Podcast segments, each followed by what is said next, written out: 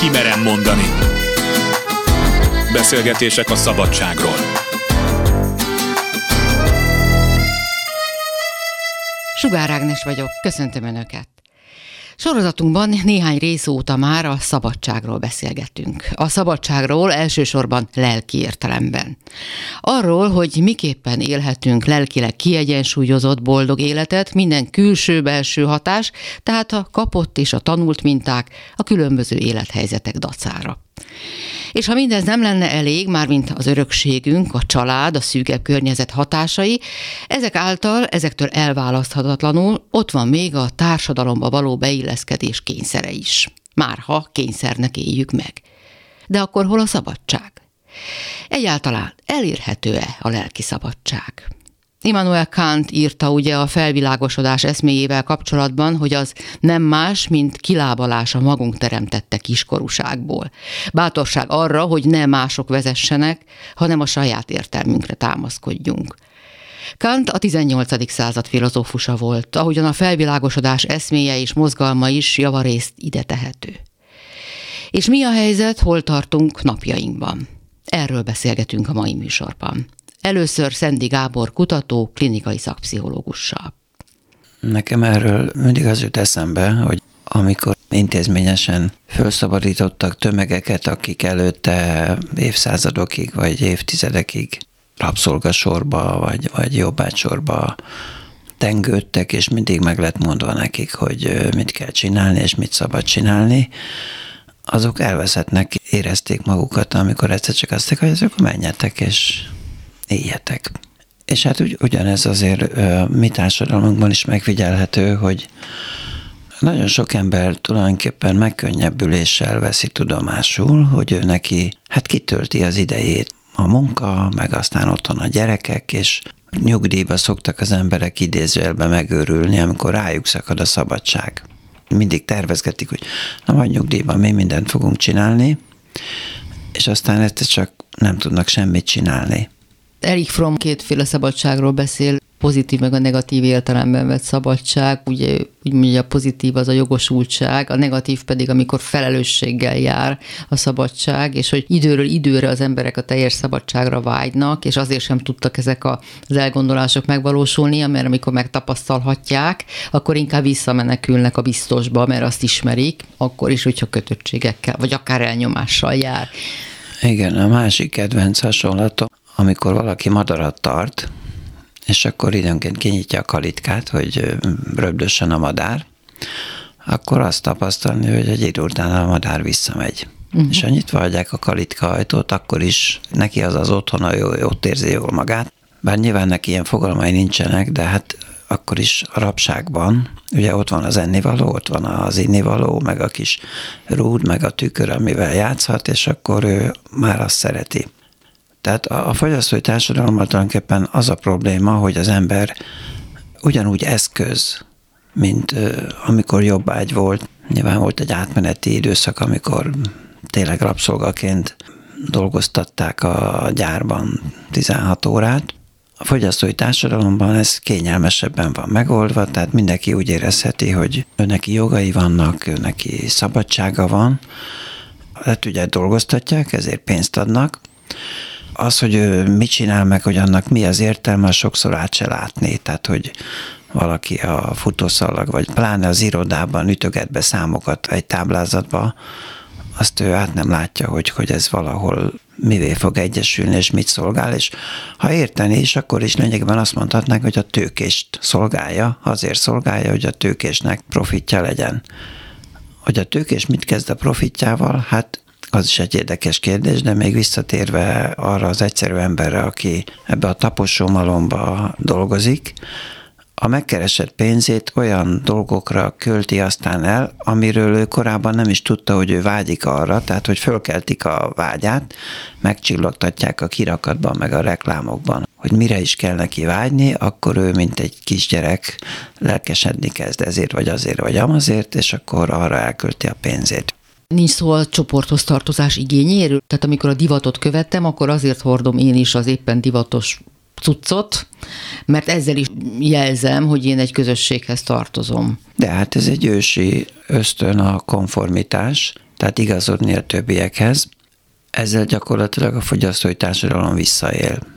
Mert hiszen a, a konformizmus az valójában több okból született, az egyik ugye jelezni, hogy én, én is ennek a törzsnek a tagja vagyok, ne bánts.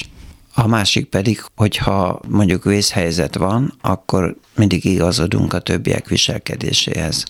De hát a modern társadalomban ez a ritkább, hogy, hogy erre szükség van. Sokkal inkább arról van szó, hogy állandóan mérjük a másikhoz magunkat, tehát ebben a konformitásban benne van a versenyszellem is. Az is ősi dolog. Hát igen, mert ez meg a sikeres szaporodásnak a lényege.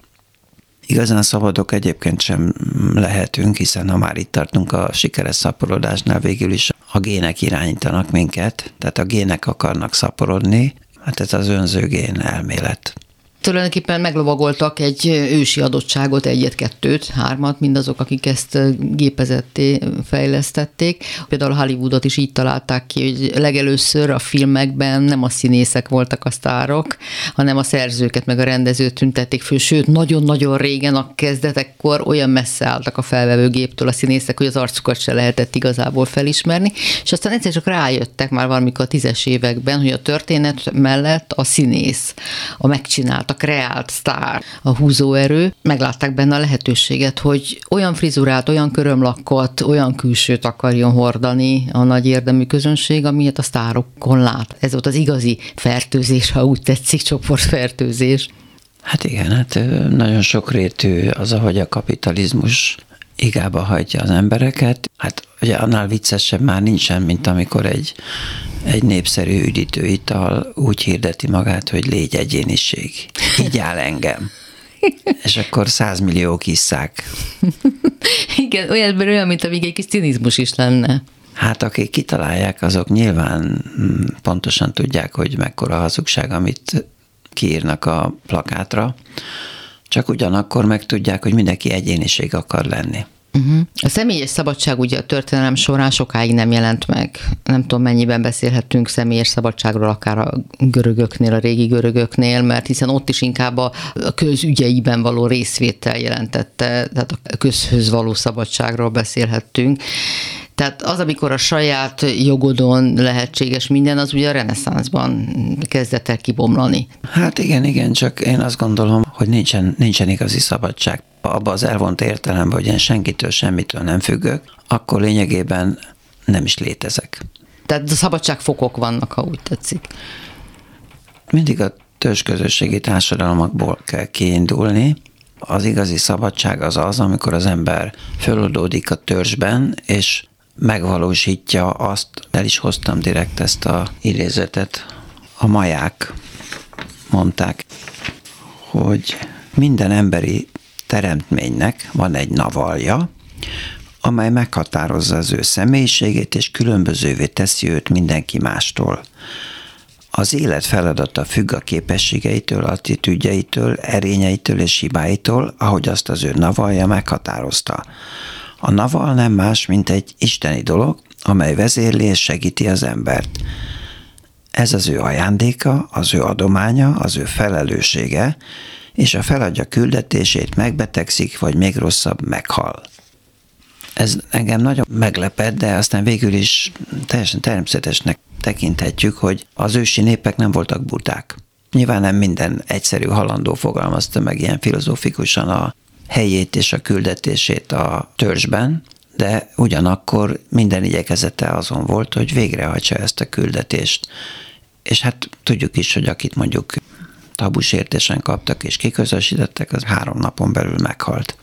Végül is a tabusértés is nem más, mint a törzsnek valami nagyon fontos eszméjének a megsértése. Mondhatjuk azt, hogy az idő haladtával a történelemben való előrehaladásunkkal lelki értelemben szegényebbek vagyunk? Igen. Tehát az az individualizáció, ami a reneszánszal elindult, az ugye egyfelől fokozatosan megszabadított minket a kötelékeinktől, de egyben elveszítettük a kapcsolatot az igazi közösséggel. Maga a közösségek is megszűntek végül is. Hát igen, tulajdonképpen a kiteljesedés, a földi javak élvezete, a tudomány tisztelete, a tények tisztelete, ez mind ugye előtérbe került, és ez mind, mintha mindez ellenünk fordult volna, vagy mi magunk ellen fordítottuk volna ezeket a dolgokat. Hát igen, mert a, a jutalmazó rendszer irányítja az embert, meg a fejlődést. Hát ez az egész kapitalizmus nem szól másról, mint hogy termeljünk minél többet, az ugye jutalmazó mind a dolgozónak, mind a kapitalistának, teljesen a hedonista életszemlélet mozgatja tulajdonképpen a fejlődést.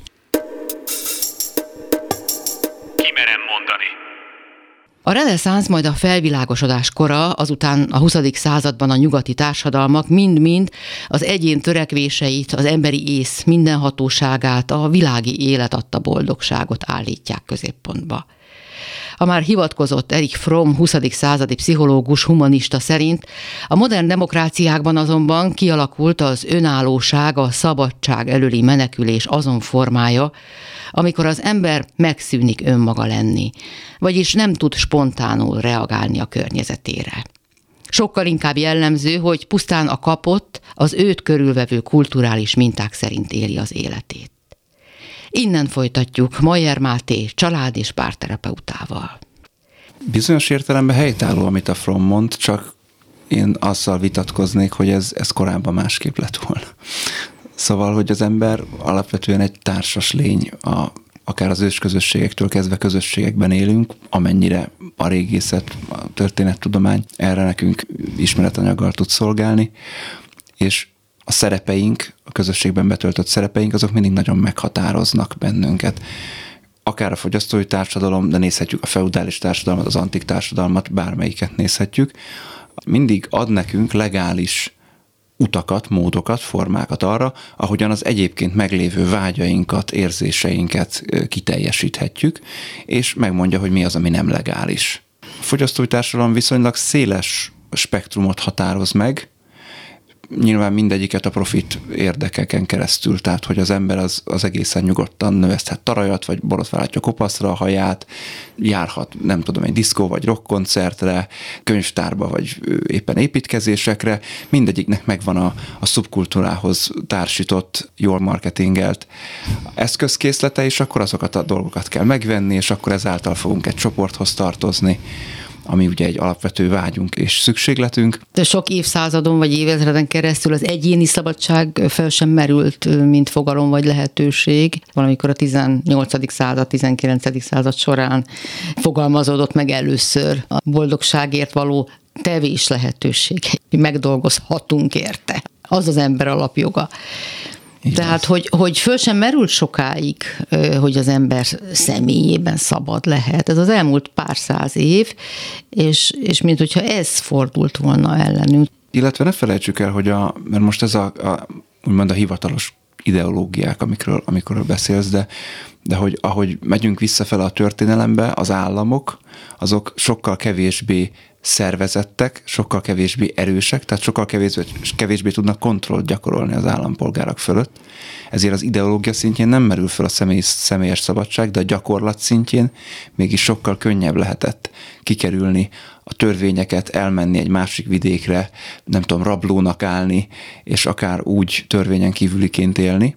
Természetesen minden közösségnek megvolt a maga nyomása a tagokra nézve, hogy ha te a mi közösségünkhöz tartozol, akkor neked így és így kell élned, viselkedned, öltözködnöd. Ez a normális, ez a nem normális. Ma ugye sokkal inkább ellenőrizni képes az állam a polgárait, egyre több és egyre mélyebb szinten.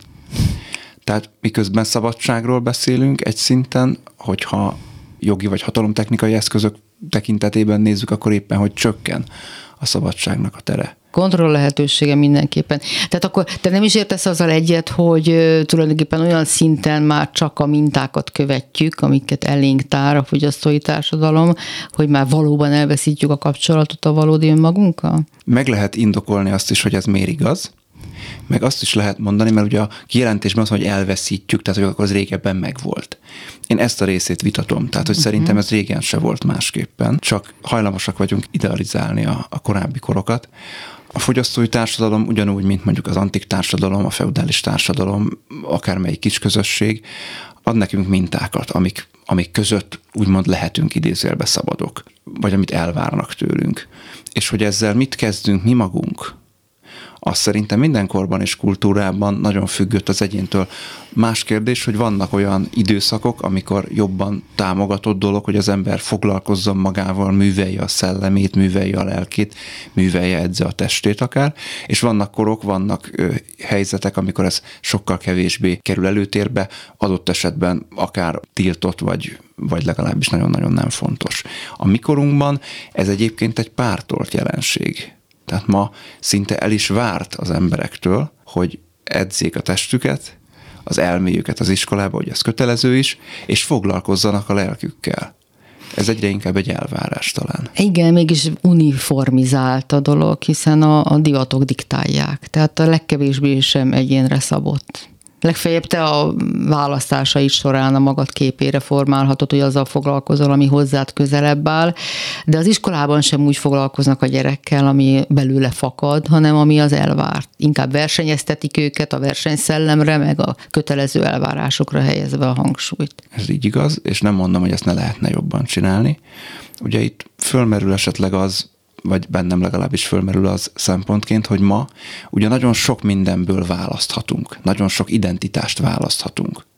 De egyiket sem kell választanunk, tehát mi azt is megtehetjük, meg van rá legalábbis elvben a szabadságunk, hogy megnézzünk sokféle identitást, ebből ezt, abból azt, amabból azt veszem ki, és akkor ebben gondolom megtalálni saját magamat. Na most nyilván egy tömegoktatás, pláne úgy, ahogy az a gyakorlatban megvalósul, annak minden körülményével együtt nem alkalmas arra, hogy úgymond egyéniségeket neveljen, vagy mérsékelten alkalmas erre. De itt ennek van egy személyes oldala is, tehát lehet akármilyen fantasztikus oktatási rendszerünk, akármennyire jól képzett és jól fizetett és kellő számban jelenlévő tanárokkal és eszközökkel, ahhoz a gyerekeknek is, vagy hát a diákoknak, mert ugye felnőttekről is beszélhetünk akár, nekik is hozzá kell tenni a maguk részét.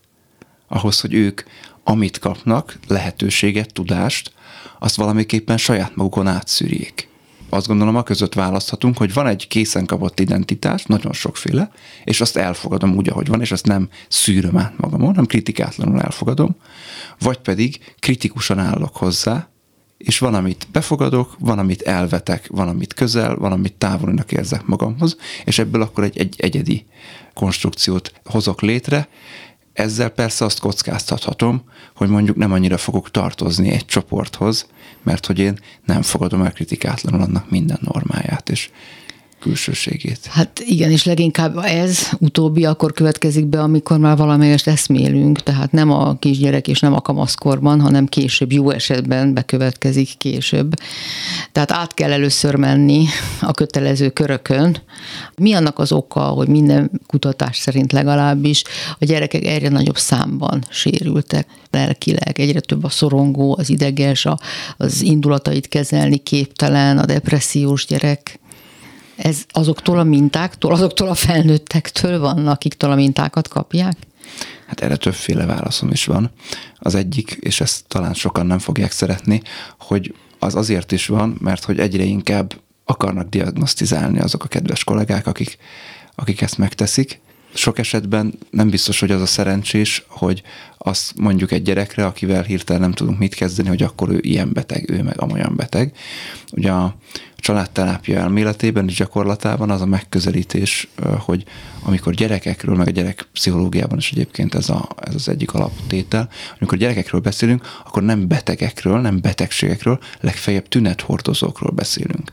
Hogy a gyerekek esetében ők sokkal inkább a családi, vagy akár a tágabb közösség, de inkább a családi rendszereiknek a, a diszfunkciót, a rossz működéseit viselkedik ki, jelenítik meg. Van természetesen néhány olyan állapot, ilyen a szellemi vagy fizikai fogyaték, az autizmus, vagy a későbbi pszichopátiát megelőlegező magatartászavarként leírt jelenség, aminek van idegrendszeri alapja, tehát ott ténylegesen beszélhetünk betegségről, de amikor nem ezekről ejtünk szót, hanem az összes többi jelenségről, akár ADHD-t mondhatunk, szorongás, depresszió, bepislés, stb., akkor ott nem betegség, nem egy kifejlett betegség van, nem egy kifejlett szélzavar van, hanem a gyerek hordozza a tünetét annak a jellemzően családi közösségnek, amiben ő él és fölnő, és azt jeleníti meg természetesen nem tudatosan valamilyen formában. De ugyanakkor te azt is mondod, hogy furcsa gyerekek, vagy vagy az átlagtól eltérő gyerekek mindig is voltak, csak legfeljebb régebben nem nyomoztunk annyira, nem kutattuk az okát.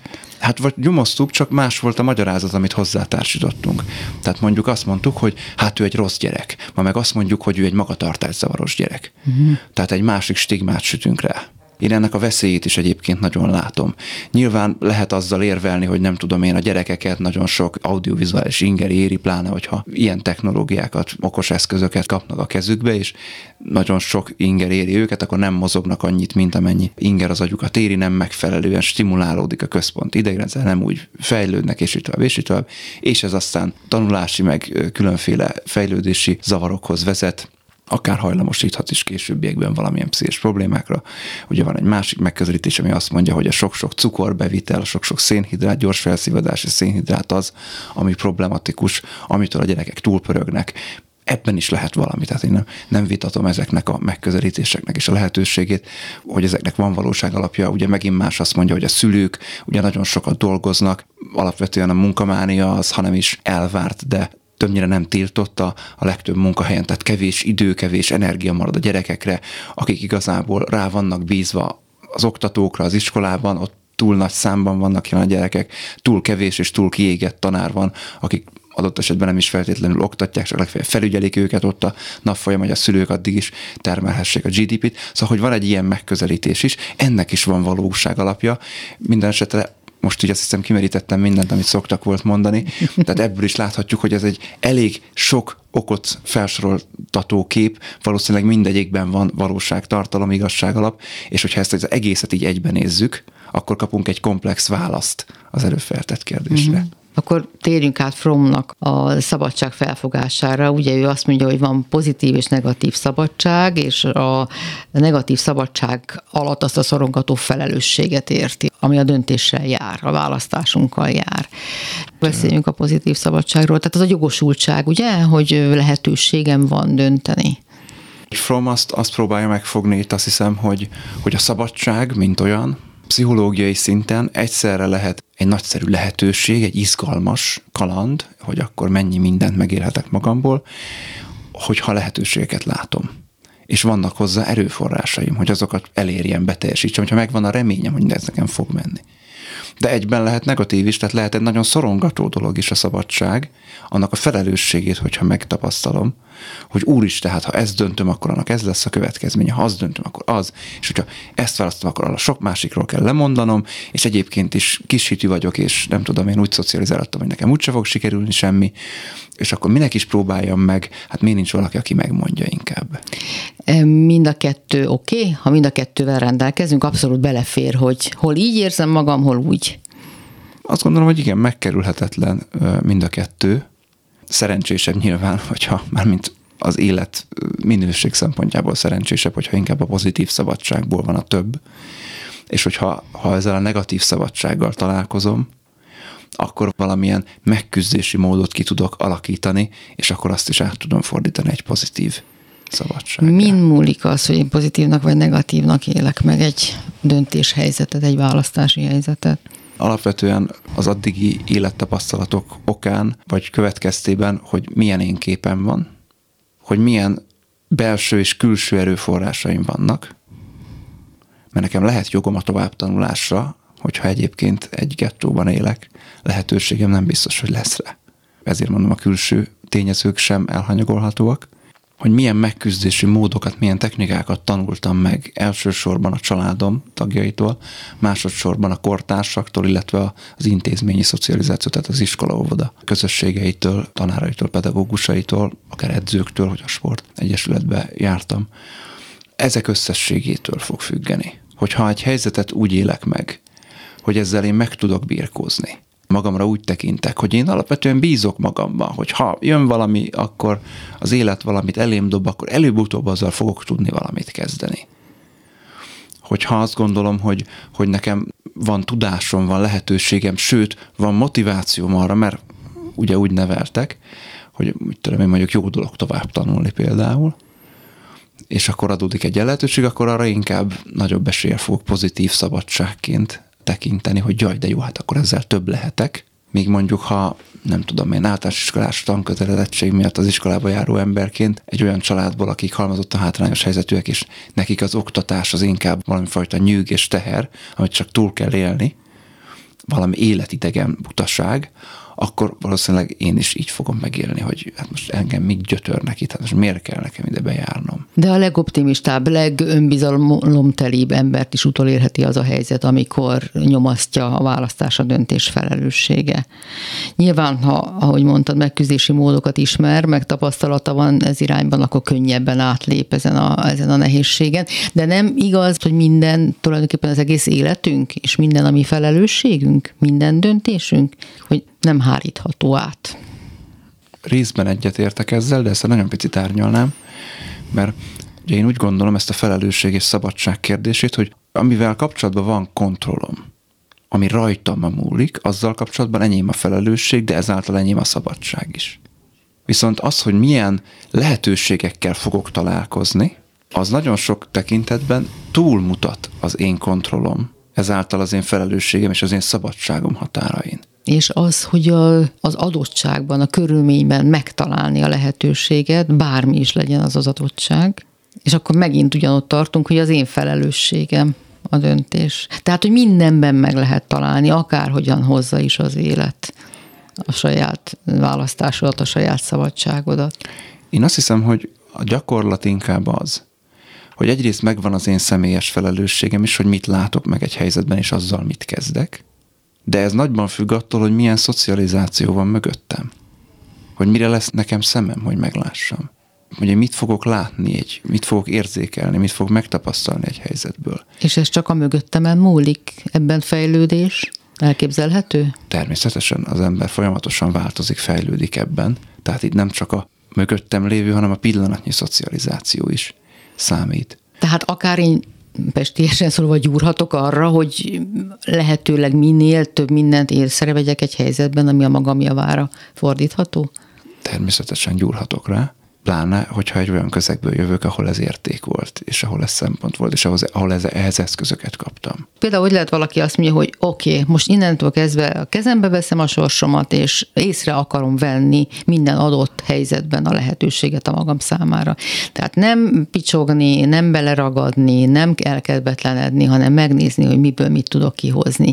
Mi az a mozgatónk, mi az az attitűdünk, amit lendületbe kell hozni a kérdésfelvetésből is következik, tehát hogyha, hogyha picsogás, nyávogás, stb., akkor ugye ott általában a személy, aki, aki ilyesmiket csinál, ő eltolja magától a felelősséget, ő mindig másokat, vagy legalábbis abban a helyzetben másokat hibáztat. Tehát itt, itt igazából az első lépés ebből a szempontból, ebből a kérdésfelvetésből azt gondolom az, hogy ő megnézze és egyben elismerje ezzel, hogy mi az én felelősségem, és egyben mi az én szabadságom a saját helyzetemet illetően. Tehát elismerem a felelősséget, hogy nekem ebben van felelősségem, és onnantól kezdve, hogy nekem ebben van felelősségem, akkor nekem ebben kontrollom is van, akkor én itt változtatni is tudok valamit. És ha nem ezt fedezem föl, hanem azt, hogy meghaladja a helyzet a jelenlegi képességeimet például. A helyzetnek bizonyos aspektusai lehet, hogy meghaladják, de hogy az egész helyzet minden tekintetben nem haladja meg, az is egészen valószínű. Itt lehet, hogy segítség nélkül én egyedül nem fogok meglátni új opciókat. Ott van például a mi kultúránkban, itt a nyugati kultúráról beszélek most, ott van az az ígéret, hogy hát bárkiből lehet bármi, a self-made man-ségnek az ígérete. De a gyakorlat az mégiscsak azt mutatja, hogy van ugyan néhány példa, akik bizonyítják ezt a lehetőséget, és van rengeteg sok százmillió vagy milliárd ember, aki pedig azt mutatja, hogy hát azért ez inkább csak a kivételek, és nem pedig a szabály. Tehát van egy, van egy ígéret, hogy bárkiből lehet bármi, elvileg, a jogi lehetőségek is megvannak ehhez, csak éppen a gazdasági alap nincs meg hozzá, illetve a szocializációs alap nincs meg hozzá tömegek számára. Amiről még sohasem beszéltünk, az a szerencsefaktor. Kell szerencse az élethez? Nagyon is. Igen? Nagyon is, persze. Mind múlik. Hát pont az a lényege szerencse, amit dobunk a kockával, amit tetszik. Nem a hit, nem a a jövőbe vetített pozitív elvárás? Nem játszik bele? Az én meggyőződésem szerint nem. De szerintem a szerencse, a szerencsefaktor az pont az, amire nekünk nincsen ráhatásunk. Ami kívül esik a mi kontrollunkon. Mondjuk bemegyünk egy egyetemi vizsgán, és melyik tételt húzzuk ki. Az szerencse. Hogy felkészültem-e mindegyikből, az a kontrollom. Hogyha arra állítod be magad az elvárásaidat, tehát tulajdonképpen te az örömöket keresed, és most itt nem a fogyasztói örömökre gondolok, akkor azt fogja az élet elét hozni. Akkor ilyen közegbe fog vezetni, akkor ilyen helyzetek tárulnak fel, ilyen lehetőségeket fogsz észrevenni. Tehát, hogy ilyen formán is magunk alkotjuk az életünket. Ilyen formán igen, tehát ezt kutatások is bizonyítják, hogyha ugye abba az irányba szugerálom magamat, hogy nekem most egy jó napom lesz, én ma vidám leszek, stb. stb., akkor nagyobb eséllyel fogok észrevenni olyasmit, ami valóban fölvidít, vagy nagyobb eséllyel jegyzek meg valamit, mert lehet, hogy egyébként is azok a dolgok történtek volna, csak a nap végén, amikor visszatekintek a napra, akkor nem arra fogok emlékezni, hogy nem tudom, lábamra léptek a liftben, hanem arra, hogy milyen kedvesen segítettek mondjuk a buszon, csomagommal. Uh-huh. Mind a kettő megtörtént a napban, csak én melyikre helyezem a hangsúlyt. De ez azt gondolom egy kicsit más, mint a szerencse. Uh-huh.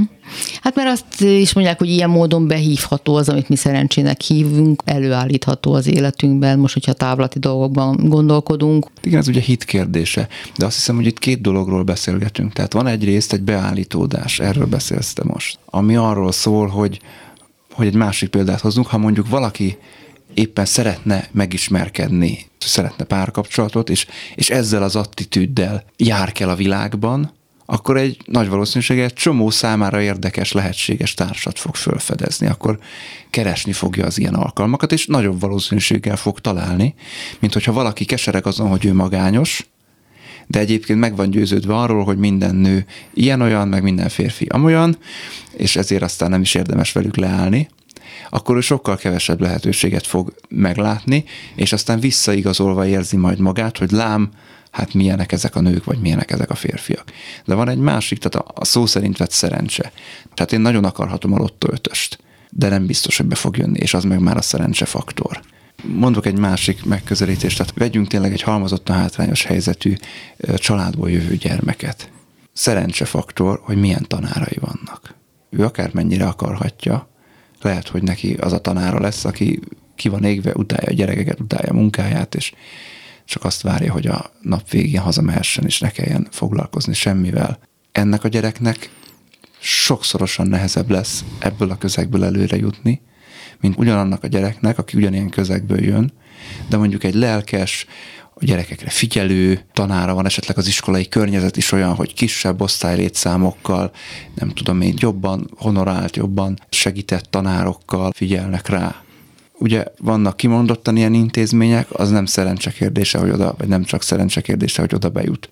De aki, aki nem ezekbe a különleges helyekre kerül be, hanem egy standard iskolába, ott az már nagyon is szerencse dolga, hogy nekem éppen melyik osztályba sikerül bekerülnöm, ott nekem milyen pedagógusaim lesznek.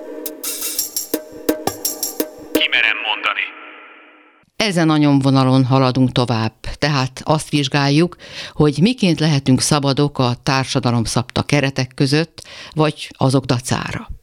Tarbence László, filozófus, kulturális antropológus.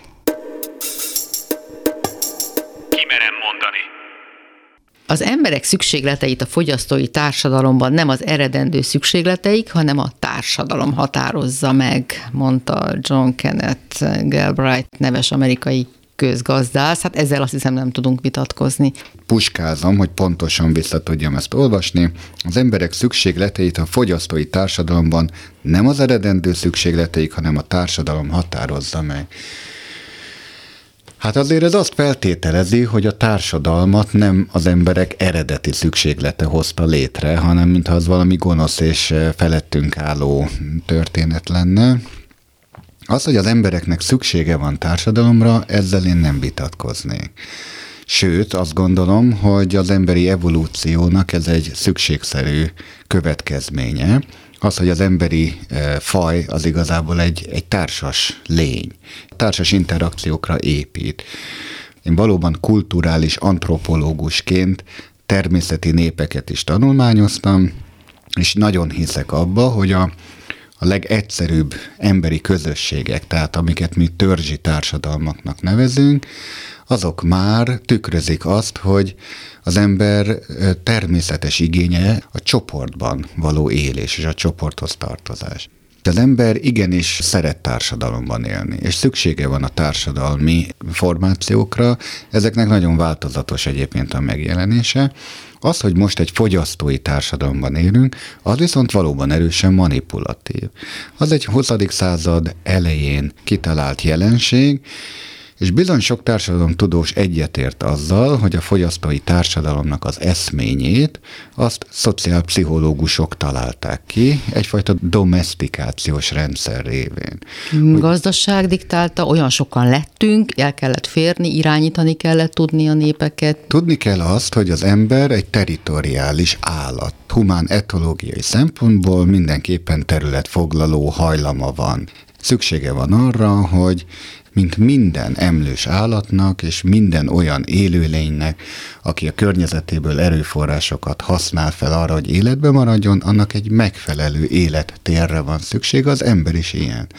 Ha ez nem áll magától rendelkezésére, akkor ő ezt meg akarja szerezni magának, meg akarja hódítani, elveszi, és ezért van egy bizonyos természetes és egészséges mértékű agresszió minden emberben, ami arra irányul, hogy ezt a területet egyrészt megszerezze, másrészt megtartsa magának.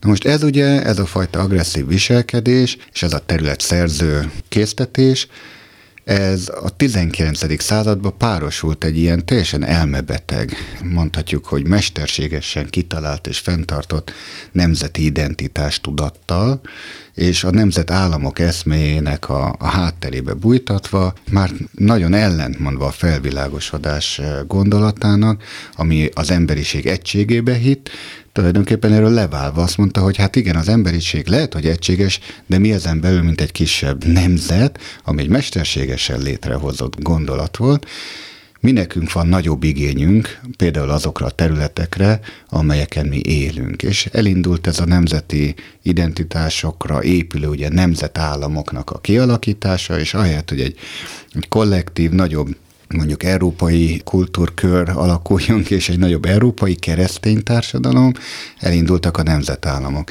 És miért mondom ezt? Mert ez vezetett egyébként így pár száz év alatt, inkább 150 év alatt, ezekhez a nagy világháborúkhoz, amik a 20. századot jellemezték, ahol az emberből kijött ez a fajta érthetetlen és tényleg teljesen idiotisztikus területi háborúskodás, és az idiótának itt az eredeti értelmét értem, az idióta annyit jelent, hogy az az egyed, aki csak önmaga érdekére gondol, aki csak önmagát látja, és másokat nem. És amikor az első világháború lezajlott, azt kevesen tudják, akkor kezdett ugye a pszichológia azzal foglalkozni, hogy hát honnan jött ez a mérhetetlen agresszió. Hogy lehet, hogy az emberben ott van ez az állat, ott van ez a ragadozó, ez a predátor, aki a másik embert is megöli folyamatosan, és nem az emberségesség, hanem az állatiasság jött felszínre ebből a, az emberi kollektívából, és az egyik legnagyobb vizsgálója ennek ugye Sigmund Freud volt, aki ugye az analízisnek nevezett módszerével arra jött rá, hogy hát az emberek mérhetetlen sok elfolytással küzdenek, és ez az elfolytás és az elfolytásból fakadó frusztráció nyilvánul meg agresszióként. És hogy lehet ezt mérsékelni? Az ő unokatestvére, aki Amerikába emigrált, lett tulajdonképpen a, az amerikai kormányzat egyik tanácsadója, és ő jött arra rá, hogy igazából, hogyha ezt a fajta elfolytott frusztrációt, vágyakozást megtárgyasítjuk, és ennek konkrét tárgyat adunk, hogy mire vágyjál te, és ezek a megtárgyasult vágyak, ezek konkrét fogyasztási cikkekre irányulnak, akkor ezzel le lehet csillapítani, le lehet békíteni az emberekben rejlő, frusztrációból fakadó agressziót. Hogyha ő arra vágyik, hogy ő tárgyakat szerezzen, vagyon gyűjtsön, fogyasszon, és a fogyasztás termékei azok folyamatosan változó árucikkek lesznek, akkor az emberek nem háborúskodni fognak, és nem arra irányul, hogy egymástól elvegyék, hanem arra, hogy mindezt megszerezzék. Bármilyen furcsa, erre épült a fogyasztói társadalom eszméje. És ennek a bölcsője volt Amerika például a filmiparral, meg a médiával, ami ugye azt diktálta, hogy mi legyen a divat. Így van, így van. Onnan kezdett beindulni, de magára erre az eredeti idézetre visszapillant, hogy nem az emberi szükségletek, hanem a társadalmi szükségletek határozzák meg. Tehát a társadalom a... szükséglete az, hogy korlában tartsuk például a fogyasztással a népet? Pontosan, így van. Ez egy nagyon erősen valóban már manipulatív, de egyben nevelő hatású folyamat is, hogy még mondjuk az ember szükséglete állatias szinten, humánetológiai vonatkozásban, azért az tényleg az önvédelem, és ezen keresztül ugye még egyszer a saját területnek a megszerzése, és nagyon nyíltan, akár csak az átvilágot nézzünk, a legegyszerűbb módja ennek egymás felfalása, megölése, elpusztítása, tehát a nyílt agresszió. A jóléti társadalom eszményével ez sikerült tényleg azt kell mondjam, transponálni, és rávetíteni valami másra, ugyanis a jólétnek a zálogát ez a fogyasztói társadalom már nem abban látja, hogy másokat kell elpusztítani a te jóléted érdekében, hanem meg vannak teremtve, kitalálva, abszolút mesterkélt módon a vágyott dolgok. És ezek a vágyott dolgok ne azok legyenek, hogy te másokat elpusztítasz, hanem vágyott dolog legyen az úgynevezett jólét megszerzése, uh-huh. ami mindig valamiféle materiális jószágnak, vagy a javaknak a, a birtoklásáról szól. És ez is oda vezetett, hogy az integritását kevésbé képes megtartani, vagy megőrizni az ember, hanem elkezdett mintákat követni, mintákban élni, abban létezni teljes mértékben és teljesen manipulatív módon, aminek szintén kevesen tudják, de az egyik megteremtője ennek a jóléti társadalom eszményének az Walt Disney volt, az egyik legnagyobb mesemondó, aki a, a jövő városát megalkodva egy teljesen futurisztikus utópiát, de egy vágyott utópiát tudott ábrázolni a 30-as évek valamelyik világkiállításon, ahol pontosan leírták azt a fajta materiális javakat felsoroltató jövőt, ahol robotok dolgoznak az emberek helyett, ahol automatikus autók visznek téged, ahol repülőgépek szállítanak erre-arra mindenkit, az az érdekes, hogy ebből a jövőképből, ebből a jövő városából nagyon sok minden valóban meg is valósul, de ez ott akkor még csak fikció, tudományos fantasztikum volt. Ez azért szomorú, mert hát hol van itt az ember szabadsága? Egyéni szabadságról a történelem során nagyon-nagyon hosszú időn keresztül szó sem lehetett. Tehát, hogy az egyén azt csinálja, amit szeretne, addig, amíg ez más kárára nincs, ugye. Ez a reneszánszal beszéltünk már róla, indult el. Ez akkor milyen haladó útnak számító volt, és mintha ez fordult volna ellenünk. Hát teljesen ellenünk fordult, így van. Az, ami akkor a legnagyobb ilyen vezérfonál lehetett, ugye az úgynevezett autonóm individuumnak az eszménye. Tehát az, hogy te lehetsz ugye önmagad, és nem kell feltétlenül valamiféle nagyobb közösség eszméért feláldozni magadat. Divatos még ma is ez a szó, hogy hanem saját önmagadat helyezheted egy önmegvalósítási piramisnak a csúcsára, nem kell a transzcendencia küszöböt átlépned, ami azt jelenti, hogy a pszichológia értelemében, hogy, hogy nem önmagadért, hanem egy nagyobb közösségért, vagy másokért teszel. Hozzáteszem, hogy a 19. században ez a nagy individualizálódás, ez azért eh, kicsit mérséklődött, pont a a nemzetért való és a hazafiasság eszméje miatt, hogy Petőfi is nagyon büszkén elmondja, hogy kinek drágább rongy élete, mint a hazabecsülete, tehát ott a te saját életed az, az nem ér annyit, mint egy, egy nemzetnek a továbbélése, vagy a, a szabadsága, és ebben van egy jó értelembe vett nemesedési vágy, de a 20. század egy teljes visszalépés ehhez képest. Ott újra az egyén és az egyéni önmegvalósítás kerül fókuszba egyre nagyobb mértékben, de már teljesen más dolgok mentén, az anyagi szerzés mentén, és a materiális világnak a, a győzedelmével végződik ez, ezt nyugodtan lehet mondani a 60-as évek végére, amikor mondhatjuk, hogy teljesen elszellemtelenedik a világ.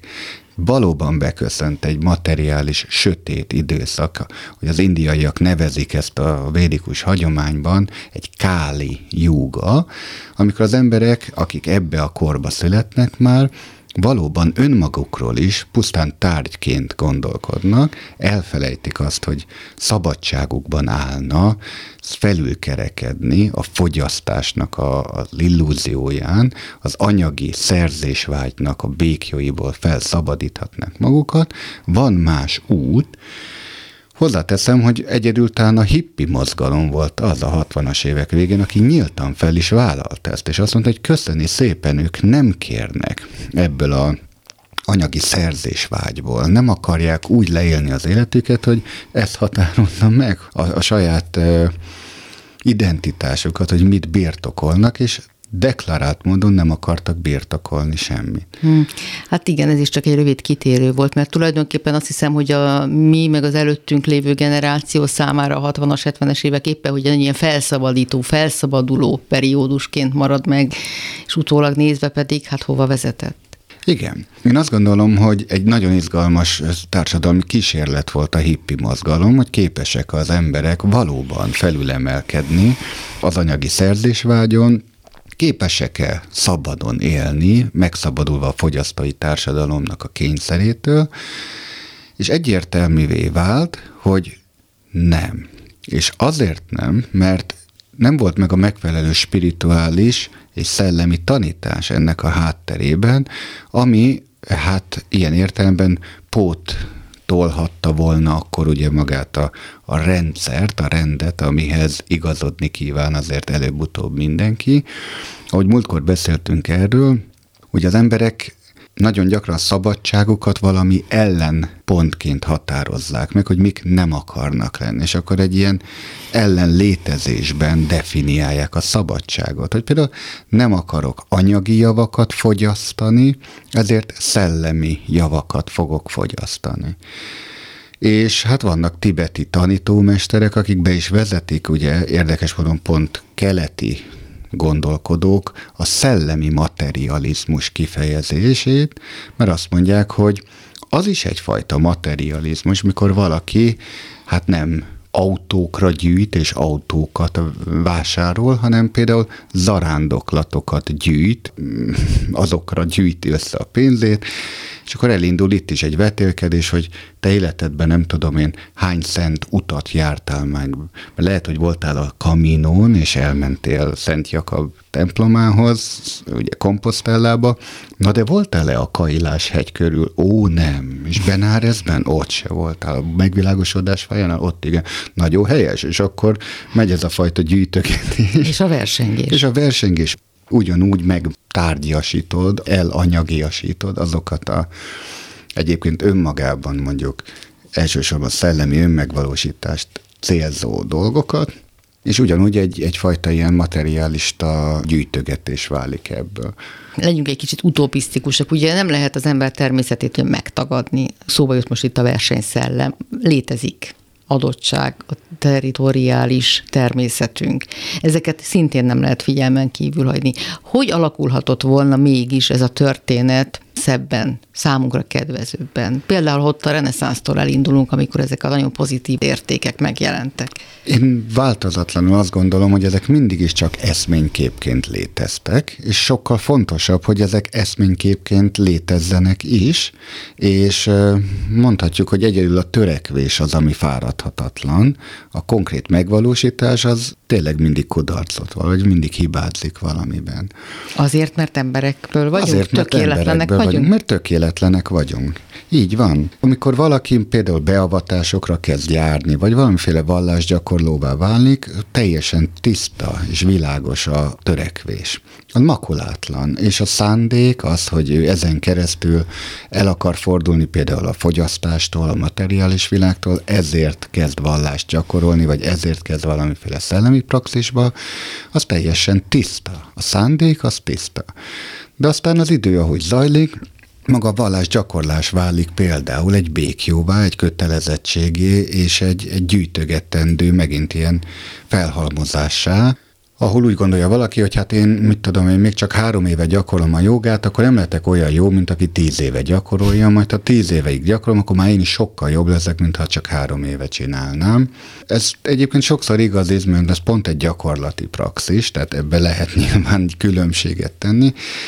De az, hogy valaki például egy szellemi tanítást megért-e, arra semmit garancia nincs, hogyha ő 10 évig, 20 évig vagy 30 évig foglalkozik azzal, akkor jobban meg fogja érteni, mint mondjuk egy év alatt. Gondoljuk a matematikára, jó, mint tiszta disziplinára. Tehát foglalkozhat valaki 15 évig matematikával, és ugyanolyan buta maradhat hozzá, szemben egy olyan emberrel, aki akár, mit tudom én, matek zseniként születik, és egy fél év alatt, vagy egy év alatt átlátja az egész számok rendszerét nem a vele eltöltött idő határozza meg azt, hogy valaki például egy szellemi tanítást eh, be tud-e fogadni, tisztán átlátja vagy nem. Mi határozza meg? Na hát itt jön az, igen. Intellektus? Nyitottság? Egész fura választ fogok adni, hogy fontos-e egyáltalán ezeket eh, átlátni, befogadni, meglátni. A keleti hagyományok közül nagyon sok olyan van, beleértve a kínai taoizmust, vagy akár az indiai gondolkodásnak több tanítását, köztük a hinduizmust, buddhizmust, jainizmust, és mindegyik hangsúlyozza azt, hogy az ő tanításuk az puszta módszer, ügyes módszer, nem egy cél. Egy cél elérésének az eszköze, nem maga a cél.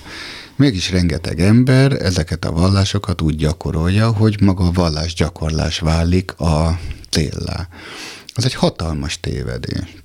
Az olyan, mint az imádkozás. Az imádkozás sem önmagába vett cél, hogy most azért imádkozom az imádkozás kedvéért. Nem az imádkozás valami transzcendens erőnek, Istennek például a megszólítása, és az Istennel való kapcsolatteremtésnek az eszköze. Is mennyiséget csinálunk, és tényleg egy rózsafűzéren azt számoljuk, hogy hányszor mondtunk el egy imádságot, ez teljes abszurdum összetévesztjük megint, mert elvesztettük a gyökereket, hogy ez egy memoriter funkciója van egy ilyen rózsafűzérnek, vagy egy számlálónak, hogy, hogy segítsen nekünk az emlékezetünkbe vésni magát a liturgikus szöveget, de nem arról szól, hogy hányszor fogod ezt az imát elmondani. Egyetlen egyszer kéne elmondani ezt az imát, úgy, hogy az valóban hasson. Tehát, hogy ez eljuttasson téged lélekben oda, ahol ez a transzcendens erő lakozik. Ezzel korán sem értünk a végére. Szokás szerint egy hét múlva folytatjuk. Munkatársaim Budai Márton és Bíró Kristóf nevében is búcsúzom, Sugár Ágnest hallották. Kimerem mondani. Beszélgetések a szabadságról.